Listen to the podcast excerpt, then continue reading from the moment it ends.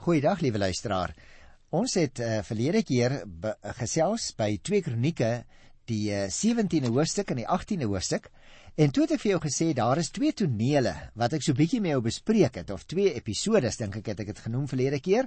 Die eerste het gehandel daarvan hoofstuk uh, 17 van die tweede vers af, die regering van koning Josafat waar hy so 'n prentjie gekry het hoe hy aanvanklik die Here gedien het en in groot getrouheid alles gedoen het. Die tweede skyfie of die prentjie of die episode waarby ek stil gestaan het, het ons gekry in die 18de hoofstuk wat vir ons vertel het van Josafat wat gaan veg het saam met die goddelose koning Agab teen die Arameërs. En ek het toe al vir jou vertel uiteindelik in die geskiedenis gaan dit baie slegte gevolge hê vir die geskiedenis van die suidryk Juda. Maar nou vandag wil ek die derde en die vierde tonele of episodes so bietjie uitlig en ek gaan dit oorsigtelik doen want dit is eintlik 'n heel lang gedeelte wat ek met jou wil bespreek 2 Kronieke 19 van die 4de vers tot die eerste vers van hoofstuk 21 en die eerste ene wat ek vandag wil doen, dit wil sê dit is die derde episode waar ons die interessante gebeurtenis kry en dit word beskrywe hier van die 4de vers af in Hosea 19 hoe dat Josafat die regspraak in die land gereël het. Nou kom ons gesels so 'n bietjie daaroor eers die agtergrond. Uh in hierdie verse sal jy sien Josafat reageer anders op God se teregwysing as wat sy pa Asa gereageer het toe 'n profeet met hom kom praat het. Josafat spits hom des te meer daarop toe om sy volk gehoorsaam te maak aan die Here. Hy het ook die mense aangestel om hulle te help met regspligte en veral by name die regspraak hier in 2 Kronieke van die 19de hoofstuk af die 4de vers. Daar was in daardie tyd dus regshowe in die verskillende stede van Juda en ook natuurlik in Jerusalem. Uit die leviete en die priesters en die familiehoofde het Josafat nou regters aangestel sommige oor godsdienstsake en sommige oor wat in ons gedeelte genoem word sake van die koning. Dit wil sê die burgerlike sake. Maar interessant. Hy plaas 'n baie hoë premie op die integriteit van die mense wat hy aanstel. Nou dit is natuurlik belangrik dat mense wat die regspraak moet beoefen en al veral moet uitsprake gee oor dinge, dit moet mense van hoë integriteit wees. En dit is my baie interessant dat ons dit hier in die Bybel lees dat Josef het baie moeite daarmee gedoen het spesifiek. Moses, sal jy nog onthou, het ook manne wat bekwam en getrou en eerlik was aangestel om hom met die regspraak te help. Gaan kyk maar weer 'n keertjie in Eksodus 18 vers 21. Josef het nou ook almal wat aangestel is gewaarsku dat hulle voor God verantwoording moet doen vir die manier waarop hulle oor sake sou beslis. Nou kom ons kyk so 'n bietjie na die teks self en ek lees hier by 2 Kronieke die 19de hoofstuk by vers 4. Nadat Josef 'n tyd lank in Jerusalem gebly het, het hy weer 'n keer sy mense besoek van Berseba af in die suide in Efraimsberge daar in die noorde en die volk laat terugkom na die Here toe, die God van hulle voorvaders. Jy sien dat Josafat anders as Asa sy pa die profeet Jehu se vermaaning ter harte geneem het, blyk juis uit hierdie nuwe hervormingspoging van hom. En in aansluiting wat hy alreeds van tevore onderneem het, doen die koning nou ook selfs 'n ander ding. Hy onderneem 'n reis deur sy hele gebied waarvan die grense ondertussen heelwat uitgebrei het, maar ek gaan nou nie daarop in nie. Luister na vers 5 en vers 6. Van stad tot stad en al die vestingstede van Juda het hy regters in die land aangestel en vir hulle opdrag gegee. Let goed op wat julle doen, want julle oefen die regspraak uit nie vir mense nie, maar vir die Here. Die verantwoordelikheid vir die reg rus op julle. Jy sien liewe luisteraar om reg en geregtigheid te bring binne die bereik van elke lid van die volk van die Here. Stel Josafat oral regters aan, lees ons. En terselfdertyd lê hy 'n baie baie belangrike regsbeginsel neer. Die regters oefen die regspraak uit onder mense, maar nie vir die mense nie. Dit doen hulle sê hy vir die Here, deur wie hulle verantwoordelik gehou word vir die reg. En dan die 7de versie. Mag die vrees vir die Here julle bybly. Wees versigtig en doen julle plig. By die Here ons God is daar nie onreg en bevoordeling en korrupsie nie. Ek wil amper sê in ons tyd wens ek ons kon hierdie ding net so toegepas het. Ons nou onthou in oud Israel het ons natuurlik 'n teokrasie. Maar ek dink, liewe luisteraars, hier kom 'n baie baie belangrike regsbeginsel na vore. Ek wil dit weer lees. Uh, 2 Kronieke 19 by vers 7. Mag die vrees van die Here vir julle bybly. Wees versigtig en doen julle plig. Hy's besig om die regters te praat. By die Here ons God is daar nie onreg nie en daar is ook nie bevoordeling nie en daar is ook nie korrupsie nie. Met ander woorde, in hulle regspraak is die regters die verteenwoordigers van die Here en daarom moet hulle sy beginsel van regspraak eerbiedig.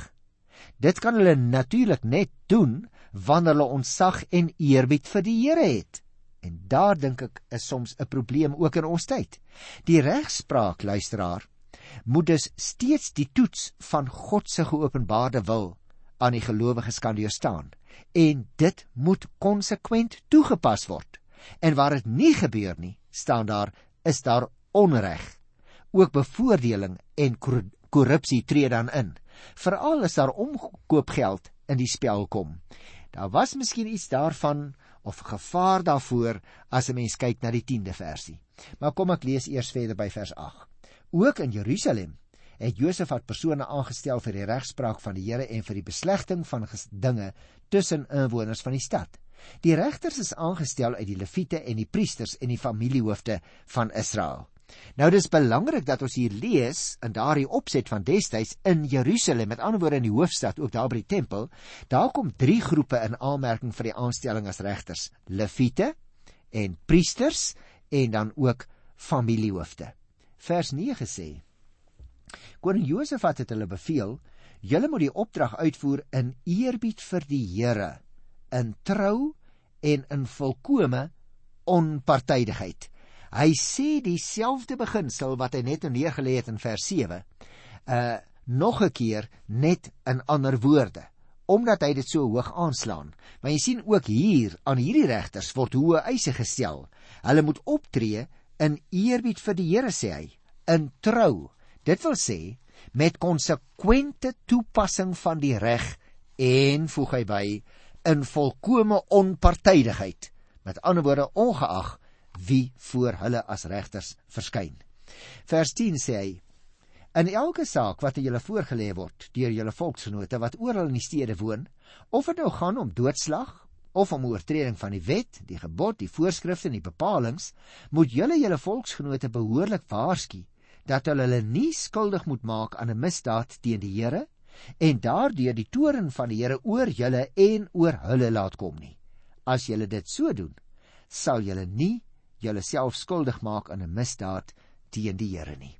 Met ander woorde, in watter saak ook al, maar nog volksgenoot, nog regter mag hom skuldig gemaak het aan 'n misdaad teen die Here. Want onthou liewe luisteraar, uiteindelik is die Here die finale regter.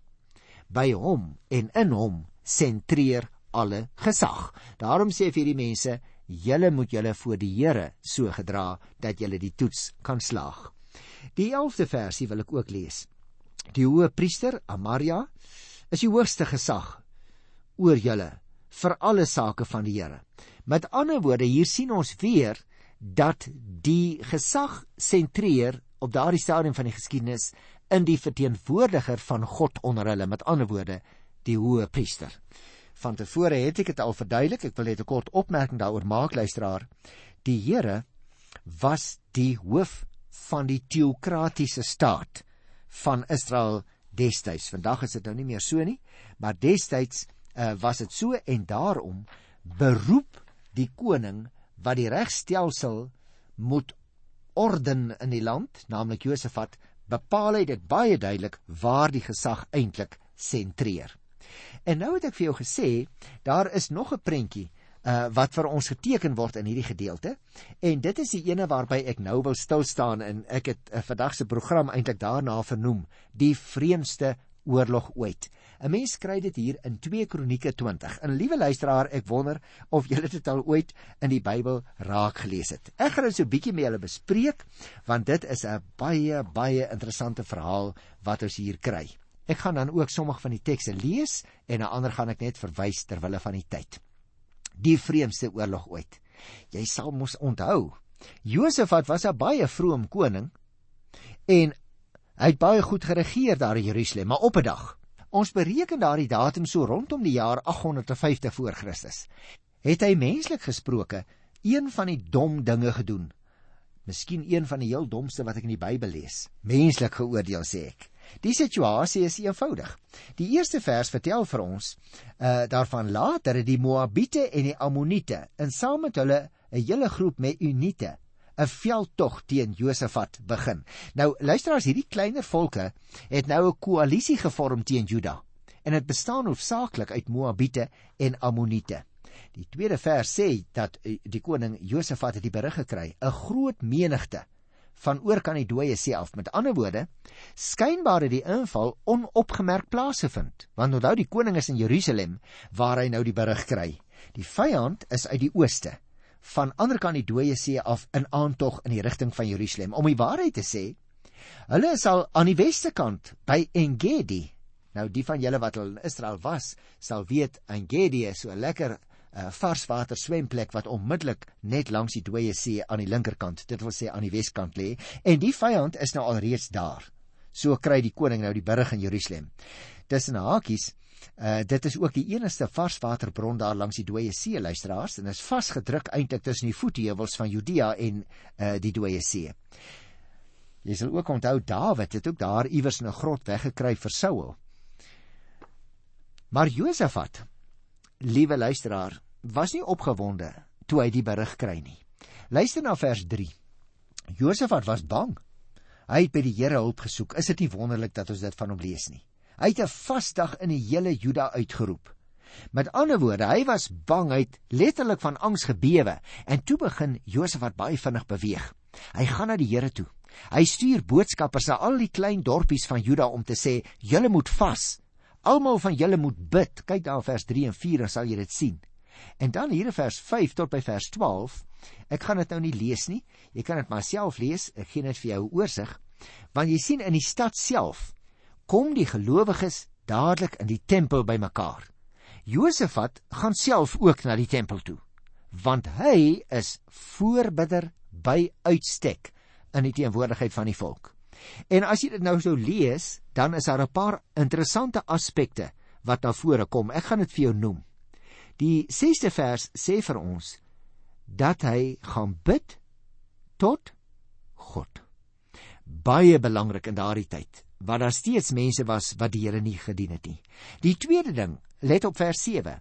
Hy erken God se hand in die geskiedenis. En dis nog 'n groot ding wat ons daar raak lees, liewe luisteraar.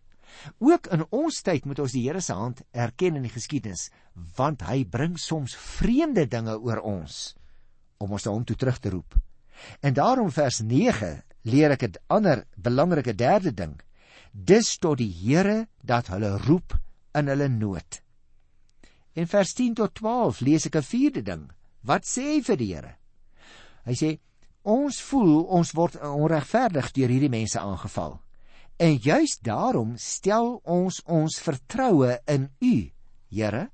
Nou liewe luisteraar, ek dink ons het hier 'n baie belangrike beginsel. Want jy sien, ons word soms almal gevra om petisies te teken. Nou, ek dink nie daar is op sigself iets verkeerd met petisies nie. Maar eintlik mag ek dit in Engels sê, we have to petition to the Lord. Jy sien, liewe luisteraar, dit is wat hier gebeur. Hierdie mense stel nie 'n petisie op nie. Hulle tree by die Here in vir hulle land en wat besig is om te gebeur in hulle land. Ek wil graag vir jou vra, hoe dikwels tree jy in vir hierdie land waar ons woon en wat die Here vir ons geplaas het? Want dit is ons taak as Christus gelowige mense om dag en nag by die Here in te tree.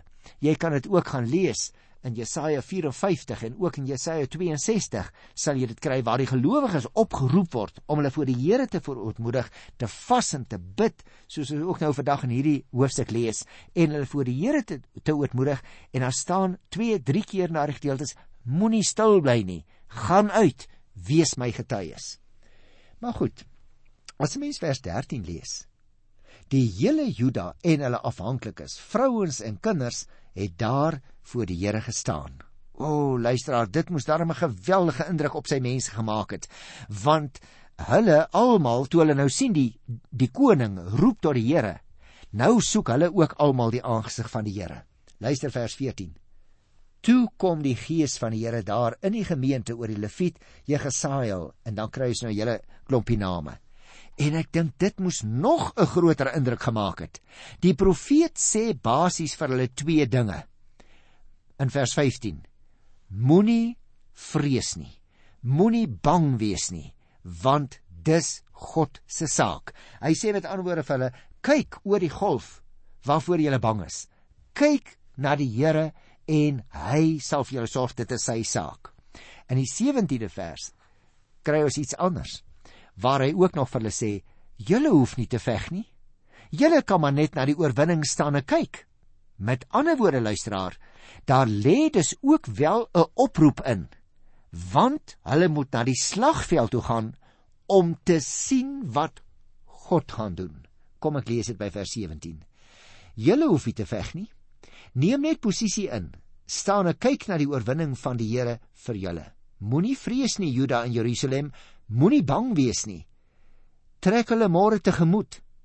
Die Here sal by julle wees. Nou, liewe luisteraar, dit is dus 'n baie vreemde situasie wat ons hier het. Daarom het ek vir jou gesê, ek gaan vandag met jou gesels oor die vreemdste oorlog ooit. En ons kry dit hier in die Bybel. Luister na vers 18 en vers 19. Toe kniel Josafat, onthou hy is die koning, en al die mense van Juda en Jerusalem het voor die Here gebuig en hom eer betoon. Daarna het die Lewiete en die Kehat en die Korah groepe opgestaan en die Here, die God van Israel, uit volle bors geprys. Dis my duidelik uit die twee tekste dat hulle almal regtig die Here op die profeet se woord geneem het. Ons lees byvoorbeeld die koning stel die voorbeeld. Hy kniel en hy aanbid die Here en daarna volg die lofprysing. Die lofsangers staan op en die gejubel en die gejuig voor die Here begin. Luister na vers 20. Josafat hulle is die volgende môre vroeg uit aan die Tekoa woestyn toe. Terwyl die manne vertrek het Josafat daar gestaan en hulle toegespreek: "Luister na my, Juda en inwoners van Jerusalem, stel julle vertroue in die Here julle God en julle sal vas staan. Stel julle vertroue in sy profete en dit sal goed gaan met julle." Die volgende oggend lees ons dou voor dag uit Jerusalem in rep en roer, want die hele leer trek uit in die rigting van die woestyn. Terwyl die manskappe elke een verbystap en die Jerusalemmers toe kyk, hou koning Josafat 'n kort toespraak vir almal om te hoor. Stel julle vertroue in God, sy profete, so sê die koning. En dan gebeur daar iets vreemds. Luister na vers 21. Josafat het met die volk oorleg gepleeg en toe sangers laat plek neem voor die gewapende manne. Hulle het vooruit geloop in hulle gewyde klere en die Here geloof met die woorde: Loof die Here aan sy liefde is daar geen einde nie. Jo, liewe luisteraar, kan jy dit glo? Die koning roep die hele optog tot stilstand vir 'n oomblik. Dan gee hy as die opperbevelvoerder van die leer opdrag en die orkes neem plek voor die soldate in. En let op, die manskappe is almal ten volle gewapen. Hulle is gereed om te veg. Maar nou loop die orkes en die sangers voor. Kan jy dit glo? Ons sou wou gesê het, "Joe, die koning stuur hulle nou in die bek van die kanonne in." En hulle het boonop gewyde klere aan. 'n Teken dat hulle hulle vertroue in die Here stel. Wat 'n vreemde manier om die vyand te gemoed te trek sou ek wou sê met 'n orkes en lofsangers voor aan jou soldate kan jy dit glo vers 22 sê vir ons juis toe toe die sangers en die lofprysing en die gebed begin het die Here onverwagte aanvalle bewerk op die ammoniete die moabiete en die mense van die seerberge wat teen Juda opgetrek het en hulle het die een neerlaag na die ander gelei. ek wil eintlik lag daaroor luisteraars sonder dat hulle dit weet. Begin dan nou iets onbegrypsliks aan die oorlogsfront gebeur. Hele en van Jerusalem af. Die oomblik toe die lofprysing in Jerusalem begin, spring die verskillende groepe daar teen die hange van die Judeese berge en die dooie see aan mekaar. 'n Babelse verwarring ontstaan.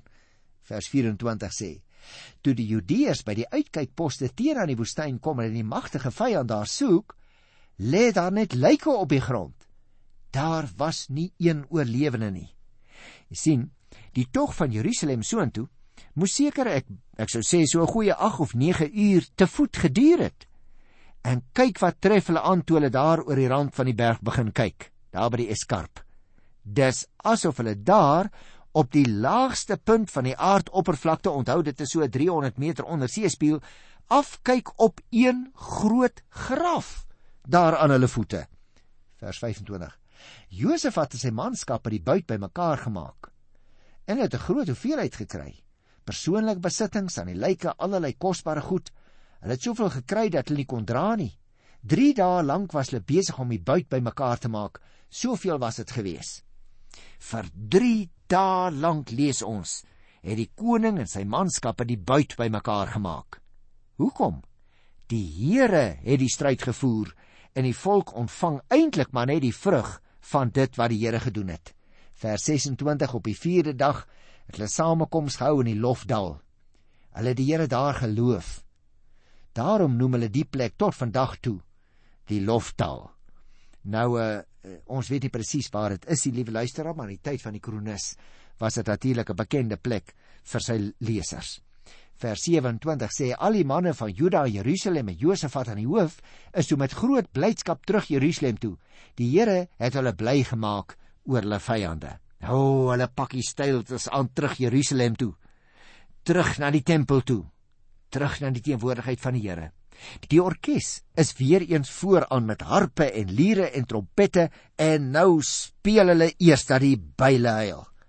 Vers 29 sê al die koninkryke was van skrik bevange vir God toe hulle hoor dat die Here oorlog gevoer het teen die vyande van Israel. Die heerskappy van Josafat het rustig voortgegaan en sy God het hom na alle kante toe rus gegee. Nou kyk net wat 'n geweldige reaksie van almal uh wat daar was en wat gehoor het uh, vind nou plaas. Die berig oor wie die God van Israel werklik is, gaan ver uit in die omgewing. En twee dinge het in die land gebeur volgens vers 30. Uh ons het lees daar die heerskappy van Josafat het rustig voortgegaan en tweedens God het hom na alle kante toe rus gegee.